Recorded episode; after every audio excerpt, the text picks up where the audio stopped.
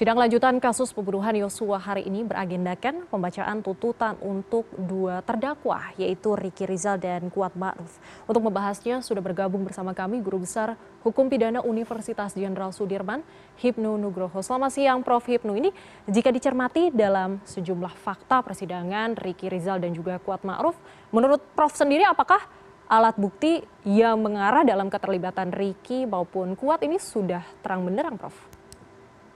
Ya kalau melihat dari bukti yang disampaikan mhm. itu tampaknya terang benderang terang benderang karena eh, kasus ini kan awal sudah sampaikan dari Magelang dari mhm. Magelang K tahu kendaraan bawa mobil ya kan kemudian R juga bawa mobil mhm. bahkan dalam rencana pemikirannya kan akan mau menembakkan kan gitu kan ini terusan kemudian R juga diminta untuk menembak akhirnya tidak berani kan itu itu saya kira sudah cukup prediksi saya hmm. sekitar memang 8 sampai 10 tahun mbak jadi okay. di sini nanti kita akan melihat berarti hmm.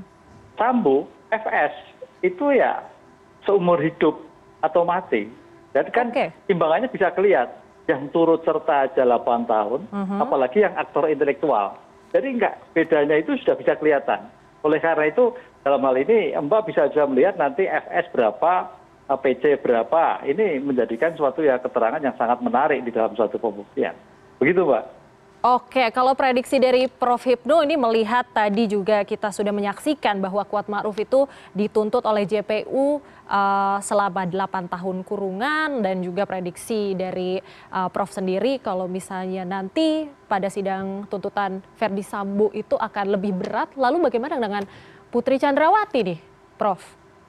Iya, Putri Candrawati adalah setali tiga uang.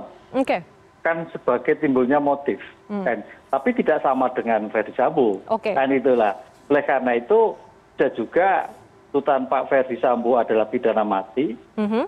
PC seumur hidup ini kan penyebab adalah dari Bu PC dari hmm. dakwaan tadi juga adanya perselingkuhan seperti itu kan kemudian dari dari konsep pemberian perselingkuhan itu sampai sekarang juga tidak ada suatu bukti yang konkret. Mhm. Bukti konkret ini tidak memberikan gambaran yang konkret di dalam suatu pembuktian. Makanya agak sulit dikatakan juga ada motif. Motifnya apa? Kan gitu loh Mbak. Oleh karena itu hmm. ini yang menjadikan sama seperti Pak Kuat berbelit-belit tidak memberikan gambaran yang nyata. Kan itu. Sehingga dalam konteks seperti ini penyertaan sebagai bentuk turut serta saya kira lebih konkret ketimbang K. Kalau K memang tadinya kan tidak tahu, kan itu kan. Kemudian tahu-tahu jadi tiga. Tapi P ini paling tidak pemberi awal sebagai bentuk motif uh, motif yang terjadi hingga sampai terjadinya suatu tindak pidana saya kira juga tahu. Nggak mungkin nggak tahu bagian dari istri apa yang terjadi suami mungkin tahu. Mm. Nah, itu. Ini yang yang menjadikan uh, turut serta ini tuh menjadikan suatu bukti yang saya kira uh, tidak terbantahkan. Ya memang kalau kita lihat nanti dari penasihat hukum lain mhm. perspektif ya tapi dari perspektif jaksa yang disampaikan ini kok layaknya kok dari bukti bukti yang disampaikan dari tingkat penyidikan mhm. sampai kemudian dikembangkan dari tingkat eh, penuntutan kayaknya sepertinya selaras oh, dari yang sudah ditemukan. Oke, ini kan sidang uh, akan dilanjutkan pada pukul 14 uh, eh, waktu Indonesia Barat pada hari ini dengan um, dengan agenda pembacaan tuntutan dengan terdakwa Riki Rizal. Kalau tadi kita sudah tahu ada beberapa uh, hal yang memberatkan dan juga meringan, meringankan untuk Kuat Ma'ruf.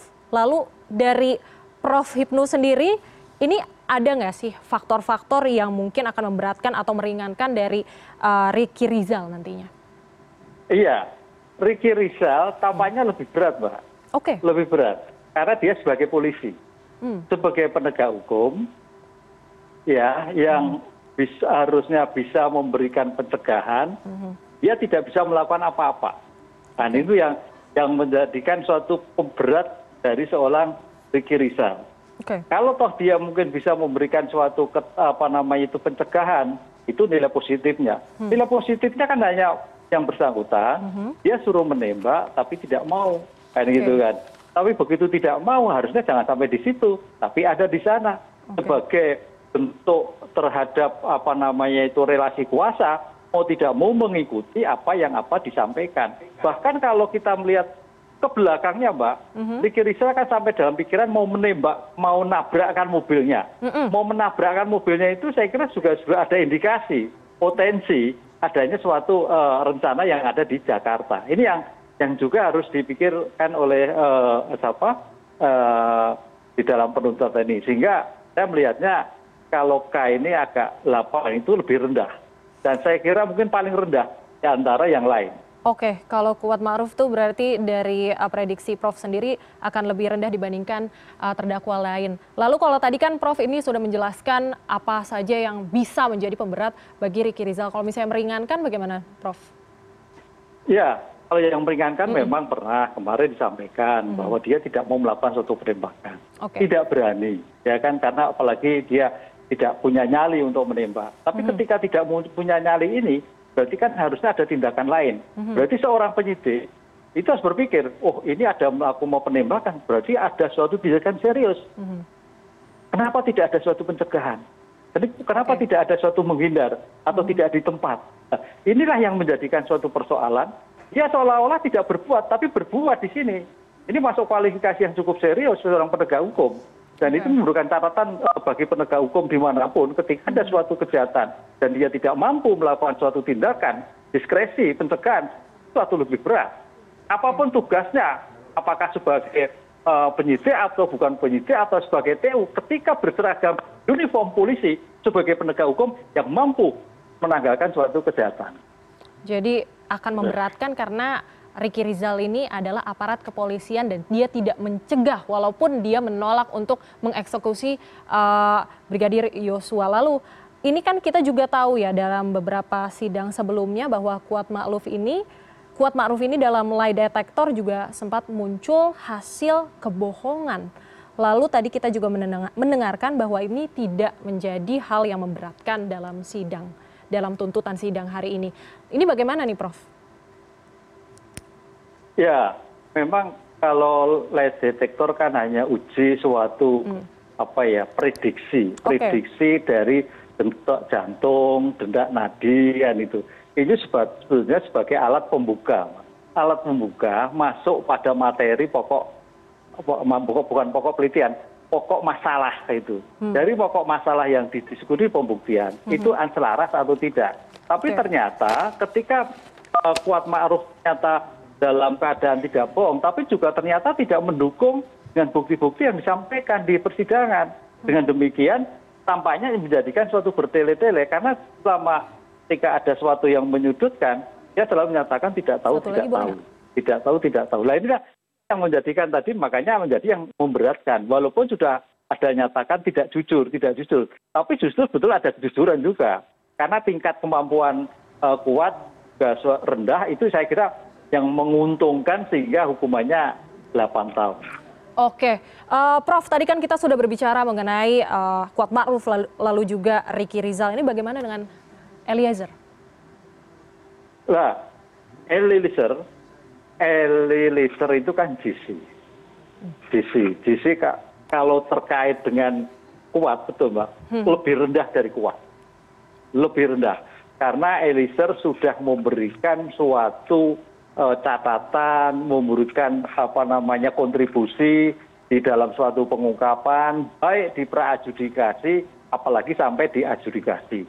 Dengan penuh tantangan dengan penuh perdebatan dia tetap kekeh memberikan suatu keterangan. Mm. sampai suatu keterangan pun seandainya dia ada CCTV akan membenarkan apa yang disampaikan oleh Eliezer. Oleh karena itu sebagai DC yang mungkin insya Allah dikabulkan oleh mm Eh, penuntut umum itu akan lebih rendah dari kuat. Oke. Ini jadi saya seperti itu. Berarti ini menarik ya Prof ya?